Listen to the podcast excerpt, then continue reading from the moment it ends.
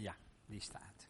Goedemorgen, broeders en zusters. Fijn om hier bij u te kunnen zijn. Ik heb mijn ex-verloofde meegenomen. Wil je even opstaan? Ja, dat is Corrie. We zijn dit jaar 45 jaar getrouwd. En uh, dat is allemaal goedheid en genade van God. Ja, het is heerlijk om uh, bij u te zijn. Hartelijk bedankt voor de uitnodiging.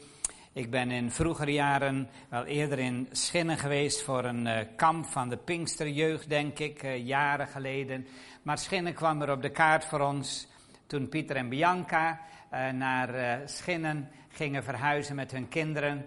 En we zijn heel blij dat ze in zo'n warm bad terechtgekomen zijn. Hartelijk dank daarvoor. Ook namens ons natuurlijk, die hun hebben zien vertrekken. Maar uh, ja, en toen uh, ging uh, pa en ma van de meiden ook nog hierheen. En ja, dus, ze waren onze overburen, vrienden, diakenen in de gemeente. Dus ik kan u zeggen, u hebt goed materiaal van ons overgenomen. Dus ik weet niet of we een ruilhandel kunnen doen of zo, dat we iets kunnen regelen. nee, nou, dan niet. Maar uh, ja, het is uh, goed. Um, we hebben vannacht uh, heerlijk geslapen in Hotel Put. En dat was ook fijn. En om samen te sharen met elkaar. Af en toe dan hebben we met elkaar zo eens gesproken, Harry en Antje, over liederen. Over de vertaling van liederen. wat, je, wat je mooi vindt. En sommige dingen waarvan je denkt van, hm, wil ik dat wel zingen? En toen ze vertrokken heb ik ook uh, één ding tegen hun gezegd. Eén ding, Harry en Antje. Helaas kunnen jullie nooit meer zingen. Ik ben zo blij, de puttijd is voorbij, want die is net begonnen. Maar Put is een prachtige plaats om te wonen, Put met TH. Ja, goed. Uh, ik ga samen met u het woord van God openslaan. En uh, dat is in Genesis 49. En daarin wil ik graag met u lezen de profetische woorden die Jacob uitsprak over zijn zonen. Maar ik ga al die zegeningen niet lezen voor u, maar uh, wel uh, de zegen die over Jozef is uitgesproken. Maar kijk eens hier naar vers 28. Uh, ten eerste, er staat, dit zijn al de stammen van Israël, twaalf in getal. En uh, dit is wat hun vader over hen gesproken heeft toen hij hen zegende. Ieder zegende hij met een eigen zegen. Wauw. Dat geldt ook voor u en voor mij. Amen. God heeft een eigen zegen voor ons allemaal. Ik heb ooit een keer een definitie gehoord van jaloezie. En jaloezie is het tellen van andermans zegeningen. Maar wij kunnen vandaag onze zegeningen tellen. Amen. En God zegent elk van zijn kinderen. Jozef, wat staat er over Jozef in vers 22 tot en met vers 26? Een jonge vruchtboom is Jozef, een jonge vruchtboom aan een bron. Zijn takken stijgen boven de muur uit. De boogschutters hebben hem getergd, beschoten en vijandig bejegend. Maar zijn boog bleef stevig en zijn handen bleven lenig. Door de handen van de machtige Jacobs, daar de steenrots Israëls zijn herder is. Door de God uw vaders, die u zal helpen, en de Almachtige, die u zal zegenen, met zegeningen des hemels van boven, met zegeningen van de watervloed die beneden ligt, met zegeningen van de borsten en de moederschoot. De zegeningen van uw vader gaan de zegeningen van mijn voorvaderen te boven, rijkende tot het kostelijkste der eeuwige heuvelen. Zij zullen komen op het hoofd van Jozef, op de schedel van de uitverkorene onder zijn broeders. Jozef. De naam die Jozef kreeg bij zijn geboorte, Jozef, die betekent hij zal toevoegen. God zal toevoegen. Nou, we kennen Jozef allemaal uit het boek Genesis. Maar er zijn eigenlijk twee versies over het leven van Jozef. Jozef, die eigenlijk ook het meest sprekende typebeeld is van de Heer Jezus Christus, of niet? Want hij is degene die door lijden heen op de troon is gekomen. Er zijn een heleboel punten van gelijkenis die je in het leven van Jozef ziet en die je ook weer in het leven van de Heer Jezus ziet. Dus Jozef is een inspiratiebron voor u en mij, omdat hij zoveel laat zien over wat Jezus heeft meegemaakt.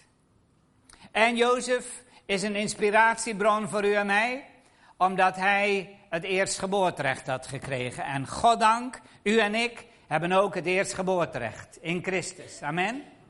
Want we zijn genaderd tot de vergadering van de eerstgeborenen. En daar is onze naam ingeschreven. Dus vanmorgen wil ik met u nadenken over Jozef als een inspiratiebron voor ons leven als christenen in deze tijd. Jozef, hij zal toevoegen. Twee versies in het boek Genesis. En waarom zeg ik twee versies? Wij zijn heel erg gericht op die eerste versie. En dat is dat hele verhaal waar daar begint in Genesis 37. En dat gaat zo door. Um, even 38 gaat over het anders. En dan 39. En dat gaat helemaal door tot en met uh, ja, hoofdstuk 45 geloof ik en nog verder. En dat is natuurlijk de beschrijving van het leven van Jozef. Zo zou je kunnen zeggen, door mensenogen bekeken. Maar hier vinden we in Genesis 49 een beschrijving van het leven van Jozef door Gods ogen bekeken. En dat is de kracht van het profetische woord, of niet? Want wanneer God spreekt door middel van profetische openbaring, dan legt Hij wijsheden uit zijn eeuwige hart in ons leven, opdat we daarmee aan het werk zouden kunnen gaan. En daarom is het zo bijzonder om deze profetische beschrijving over Jozef eens wat nader te bekijken. Nou, ik blijf met mijn eh, horloge hier in de buurt. Ik hoorde ooit een keer van een uh, voorganger, die uh, was een beetje te lang van stof. Dus, ja, ik ben zoon van een predikant en vroeger dacht ik altijd, als ik naar mijn vader keek, hoe, hoe kan hij al die tijd vol praten? Maar nu denk ik van, hoe stop je op tijd? Maar goed, deze voorganger die, die um, was nogal lang van stof en achterin zat er een broeder en die zat te wapperen met zijn horloge. Ik weet niet of het hier uh, wel eens gebeurd is. Maar die voorganger zei: Prijs de Heer, hier hebben we een broeder die zijn horloge wil doneren voor het werk van de Heer. maar ik hou me er wel bij en ik hoop, en anders dan uh, Corrie, geef me maar een signaal. Uh, daarom is ze ook meegekomen waarschijnlijk. Goddank voor de signalen van onze vrouwen, of niet? Ja, goed. Maar in ieder geval zegen. Jacob sprak een zegen uit over zijn zonen. En God heeft een zegen voor elk van zijn zonen en dochters. En weet u wat nu zegenen betekent in bijbelse taal? Dat is eigenlijk een gave overbrengen door een krachtige uiting. Een gave overbrengen door een krachtige uiting. En, en een vloek is eigenlijk schade toebrengen door een krachtige uiting. Want woorden hebben kracht. En als God zegent en als God belofte geeft, dan legt hij iets over ons leven. En het is een, een, een, een gave die door een krachtige uiting van God op ons gelegd wordt. Vandaar ook dat Paulus tegen Timotheus gezegd heeft: strijd de goede strijd des geloofs uh, met de profetie in je hand, als het ware. U kunt het lezen, dat is mijn versie, maar uh, in 1 Timotheus hoofdstuk 1, vers 18 geloof ik. Dat we kunnen strijden met dat profetische woord. Nou, Jozef had niet zozeer uh, profetieën ontvangen via anderen, maar hij had wel profetische dromen ontvangen. Weet u het nog? Hij had een profetische droom ontvangen over een oogstveld met uh, schoven. En hij had een profetische droom ontvangen van uh, een sterrenhemel met de heldere sterren daar. En heel vaak dan vertalen wij dat als zijnde van nou, dat spreekt dus over zijn, zijn prachtige bestemming. En dat is ook zo. Maar uw en mijn bestemming zijn altijd gerelateerd aan de omgeving waar God ons wil gebruiken. Ja toch? En als God had gesproken over een, over een, een, een, een, een schoof die zo van grote betekenis was, die schoof, dat ging over graan. En graan is bestemd voor hongerige mensen. En aan het einde van het verhaal van, van Jozef, toen hij eenmaal op de troon zat, dan zag je daar dat hij het beheer kreeg over het graan van Egypte en dat de hele wereld naar hem toe kwam. En wat God zei, niet zozeer, jongen, ik ga jou heel belangrijk maken. Nee, God zei, je bent heel belangrijk in mijn plannen voor een hongerige wereld. En hetzelfde met de sterren. Jongen, je bent heel belangrijk in mijn plan voor een duistere wereld waar het licht hard nodig is. En God heeft zo zijn processen met Jozef heeft hij volvoerd en het was geen gemakkelijk leven. Het begon allemaal zo prachtig. Het begon allemaal zo prachtig. En, en wat staat hier nou? Dat daar staat uiteindelijk het laatste, de schedel van de uitverkorene onder zijn broeders. Nou, daar begon het eigenlijk mee in Genesis 37. De uitverkorene onder de broeders. De man, de jonge man met de veelkleurige mantel.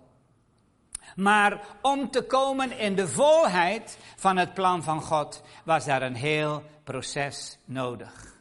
Maar in de processen waar we doorheen gaan, geeft God ons toegevoegde waarde. Amen. Een canvas, zoals die daar kan hangen aan de muur, als die blanco zou zijn, dan zou die niks opleveren. Maar als daar een kwast en verf en de meesterhand van Rembrandt bij betrokken is geweest, dan is daar toegevoegde waarde op dat materiaal gekomen en is het van onschatbare waarde geworden. Amen. En zo wil God ook door de processen waar we doorheen gaan toegevoegde waarde in ons leven leggen. En wil hij ons gebruiken voor een wereld in nood. Nou, er zijn een aantal zaken die ik zou willen noemen, die me opvallen in deze profetische woorden van Jacob. En daar wil ik even met u over nadenken. Nou, nogmaals, in het natuurlijke leek die naam de meest misplaatste naam aller tijden te zijn. Hij zal toevoegen. Want als je kijkt naar Genesis 37 en de hoofdstukken daarna, leek het allemaal minder te worden met Jozef, of niet? Het een na het ander werd hem afgenomen. Maar goddank, Jozef was niet de man van de momentopname. Jozef was de man die ging voor de beloften van God. En die hield eraan vast. En hier zijn een aantal zaken die we kunnen zien. Allereerst wordt hier gesproken over een jonge vruchtboom. Jozef wordt beschreven als een jonge vruchtboom. Nou, zo jong was hij ten tijde van deze profetische openbaring ook weer niet. Want als je goed rekent van alles wat er gebeurd was, dan moet die man zo'n 56 jaar uh, geweest zijn. Uh, dus uh, ja, zo jong was hij ook weer niet. Maar in Gods ogen was hij een jonge vruchtboom. En dat is ook uw en mijn roeping. Amen. Want de rechtvaardige zal zijn als een boom die geplant is aan waterstromen. En wij zijn vruchtbomen. We zijn geroepen om vrucht te dragen. Hierin is de Vader verheerlijkt dat gij veel vrucht draagt. geroepen tot vruchtbomen. Maar Johannes 15 zegt het ons al, als je een goede vruchtboom wil zijn. Ja, en daar wordt natuurlijk gesproken over de wijnstok en de ranken. Maar uh, we weten het allemaal, als bomen vrucht willen dragen, dan gaat niet automatisch. En daar is heel veel zorg voor nodig. En helaas ook heel veel gesnoei. En dat vinden we geen van alle prettig. Maar één ding, het is opdat wij meer vrucht zullen dragen. En u bent geroepen om vrucht te dragen tot eer van de Heer, opdat Hij verheerlijk zal worden en opdat, uh, opdat men die vruchten zal kunnen proeven en de eigenaar van de boom zal leren kennen. Er staat geschreven in de profetische woorden dat het, eh, in de profeten dat uh, het volk van God de wereld zal vervullen met vrucht. En dat is wat de Heer wil. En u mag vrucht produceren in Zuid-Limburg. U en ik zijn geroepen om vrucht te dragen. We zijn bomen, net zoals Jozef. Maar goddank, die bomen die hebben een basis. Want dan kom ik bij het tweede. En daar staat, het is een jonge vruchtboom aan een bron. En dat is nog weer het geheim wat we zien in het leven van Jozef. De bron die daar altijd was. Zijn natuurlijke omstandigheden waren niet om jaloers op te zijn. Wat hij met menselijke ogen zag, dat was vreselijk. Maar ik denk dat hij diezelfde woorden in zijn hart moet hebben meegedragen. Hij hield vast aan die beloften die hij had gekregen. Dat hij diezelfde woorden met zich meedroeg en praktiseerde, die later door de psalmist David uitgejubeld werden. Al mijn bronnen zijn in u. Halleluja. Dat is heel wat, als je dat kan zeggen. Al mijn bronnen zijn in u. En daarom is het zo geweldig dat we die bron in ons leven mogen hebben. De heer Jezus heeft erover gesproken toen hij uh, sprak met de Samaritaanse vrouw. En hij zei, als je dit water drinkt, dan zal het in je worden tot een fontein van levend water. Halleluja. En we mogen voortdurend drinken uit die fontein van de aanwezigheid van God in ons leven. Heel vaak willen we drinken uit de bron van anderen. En als we geestelijk dorst hebben, dan zoeken we een krachtige bediening op. En dan willen we drinken uit die bron die God in een ander gelegd heeft. En goddank het mag. Maar de belangrijkste bron is de bron die God in uw leven heeft aangelegd. Want als u gedronken hebt van het levende water, dan zal dat in u worden tot een bron en tot een fontein van levend water. Helemaal als de Heilige Geest over je komt, wat Jezus zei in Johannes hoofdstuk 7, dan gaat die bron stromen eindeloos, eindeloos, eindeloos. En het is heerlijk om te drinken uit de bron van een ander. Maar er kwam een tijd dat Jozef niet meer kon drinken uit de bronnen van anderen. Hij was afhankelijk van de bron in zijn eigen leven. En dat is een bron die nooit opdroogt. Halleluja. De vijand wil die bron heel graag, heel graag dempen. En Jacob wist er alles van. Want als u kijkt naar wat er staat eh, eerder in, in, in Genesis, dan ziet u daar dat, uh, uh, dat daar uh, de bronnen die gegraven waren door Abraham en door Isaac, dat de vijanden die voortdurend wilden dichtstoppen. Maar mijn broeder en zuster, de bron in Jezus Christus, wanneer we die onderhouden, is niet dicht te stoppen. Halleluja.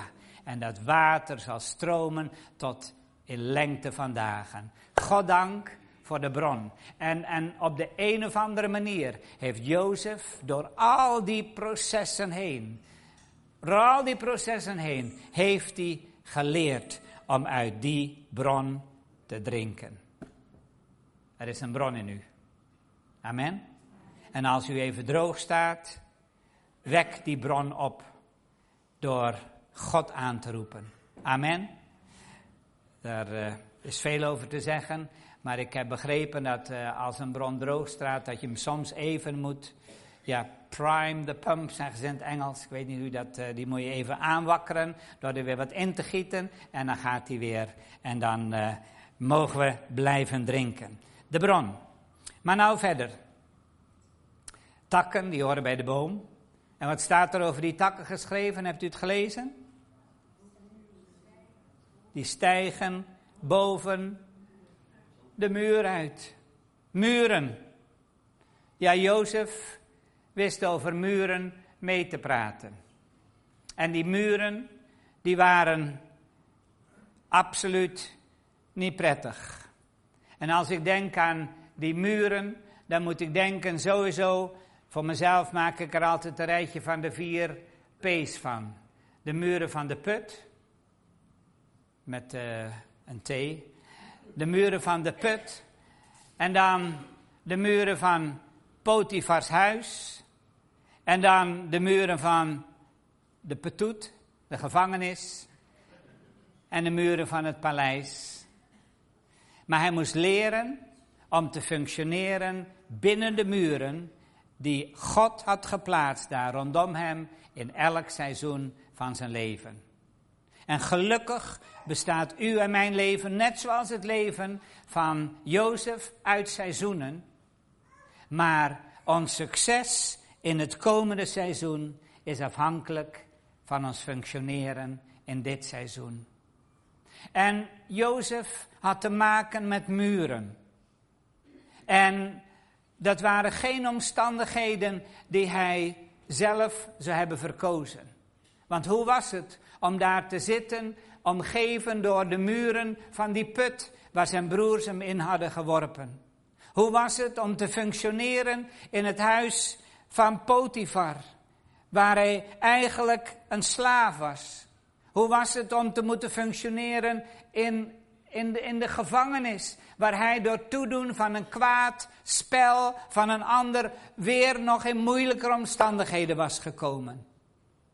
Maar hij moest leren te functioneren binnen de grenzen die God bepaald had. De kaders van zijn functioneren. En soms zijn we die kaders zo beu.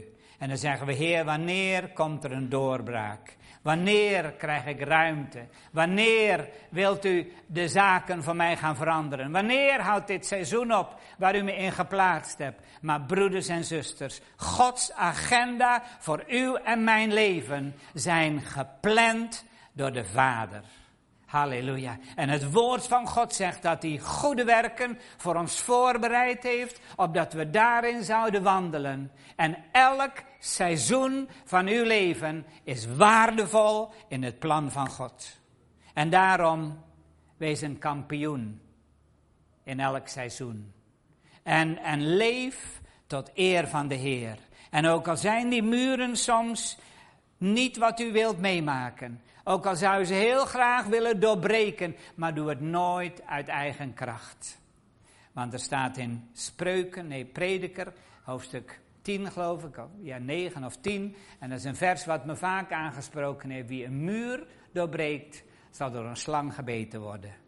En dat willen we niet. We willen niet gebeten worden door, gebeten worden door slangen, maar we willen wachten op de tijd van God. En als u vanmorgen luistert naar dit woord en u zegt van mijn seizoen is niet zoals ik het zou willen bepalen qua lengte. Eén ding, mijn broeders en zusters, hou vast.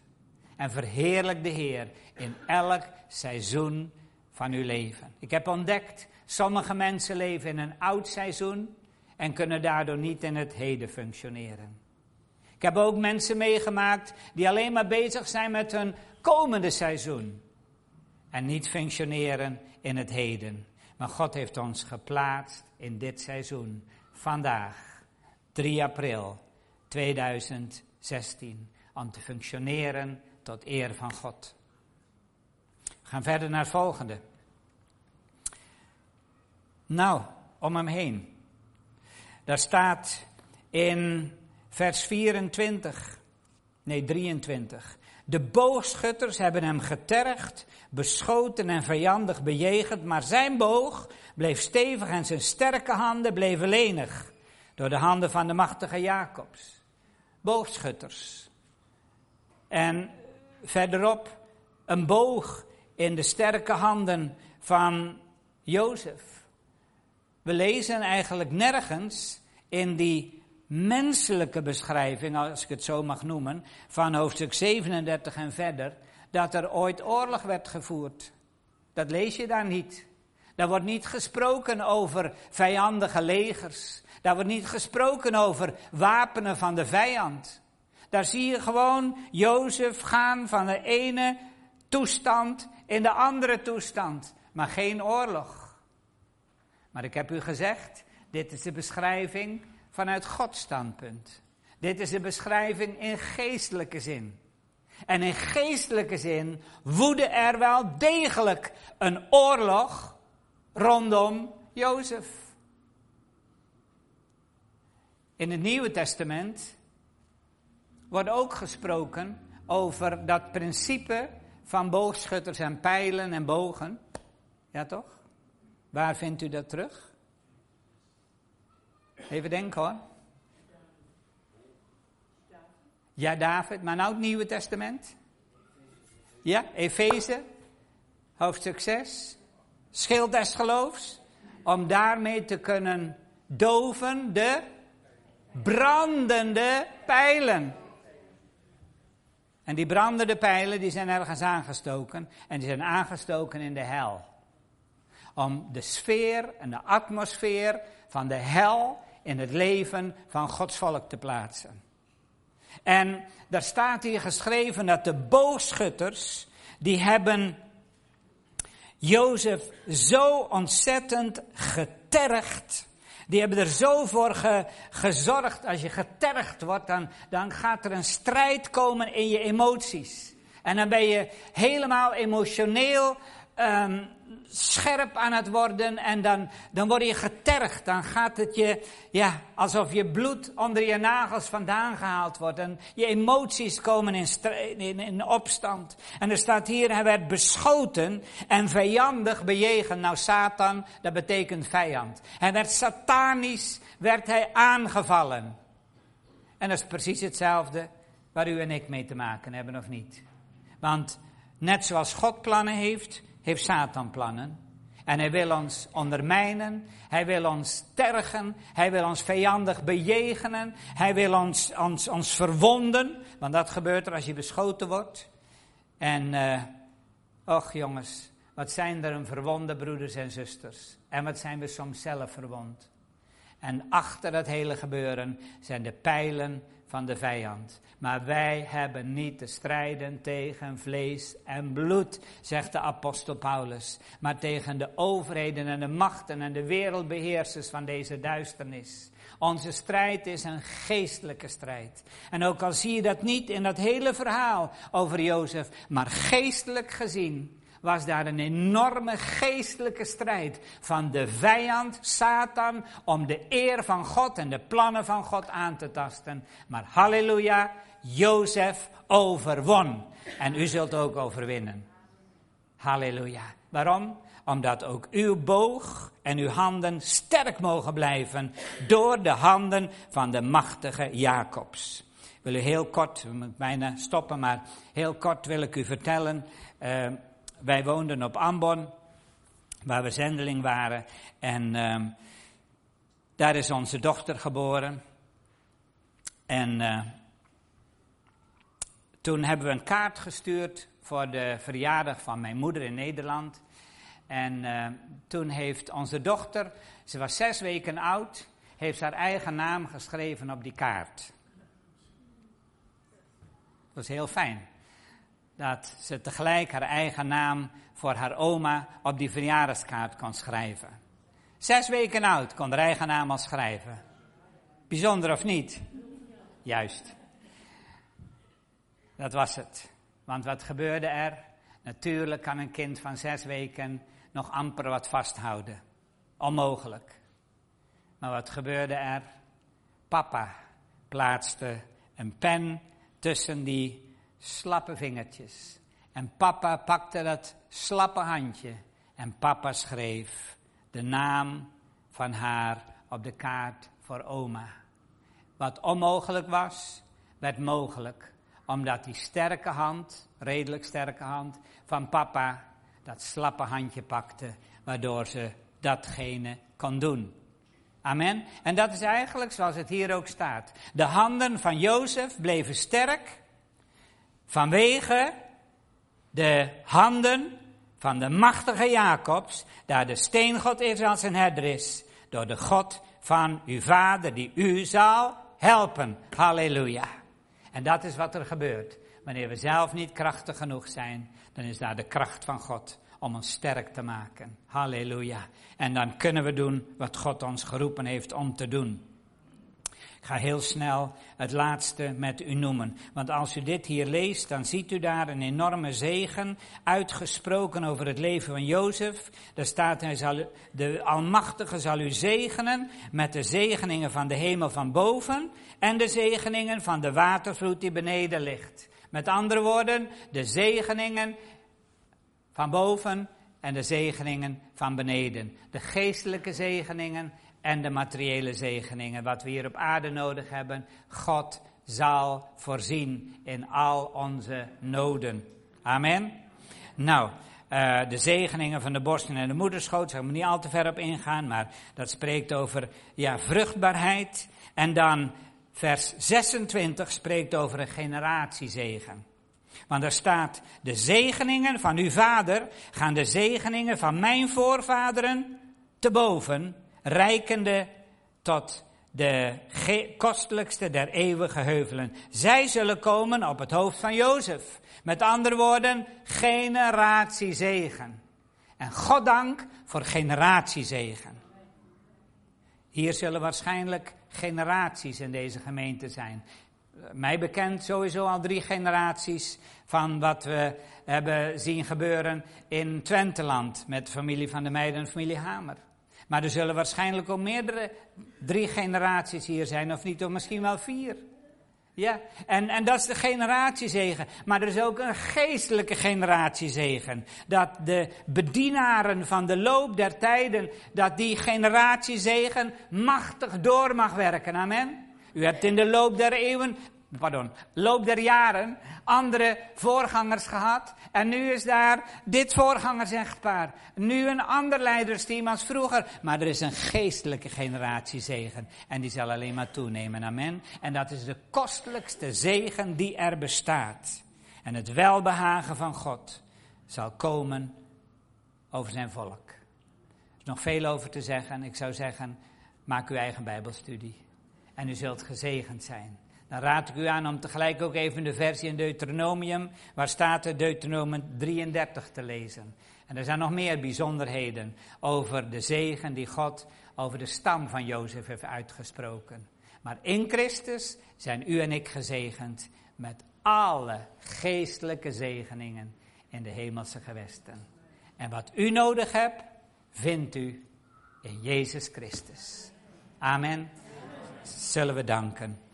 Vader, we danken u wel voor dit woord wat u ons deze morgen gegeven hebt. We danken u wel dat u een sprekende God bent. Dat u een God bent die ons uit onze natuurlijke omstandigheden optilt in uw versie van het verhaal. En ik wil u bidden, Vader, dat we zo in lijn zullen komen met uw versie, met uw plannen over ons leven. Dat Heer, wanneer wij struikelen, dat we op zullen staan en verder zullen gaan in de kracht die u ons geeft. Dat wanneer we achterop geraakt zijn, dat we opnieuw zullen ontdekken wat uw perfecte plan is voor ons leven. Zodat we ons opnieuw daarmee af zullen stemmen en zullen wandelen in uw heerlijkheid. Dank u wel, Vader, voor een geweldige toekomst. Nu en tot in eeuwigheid. Amen. Amen. Dank u wel. God zegen.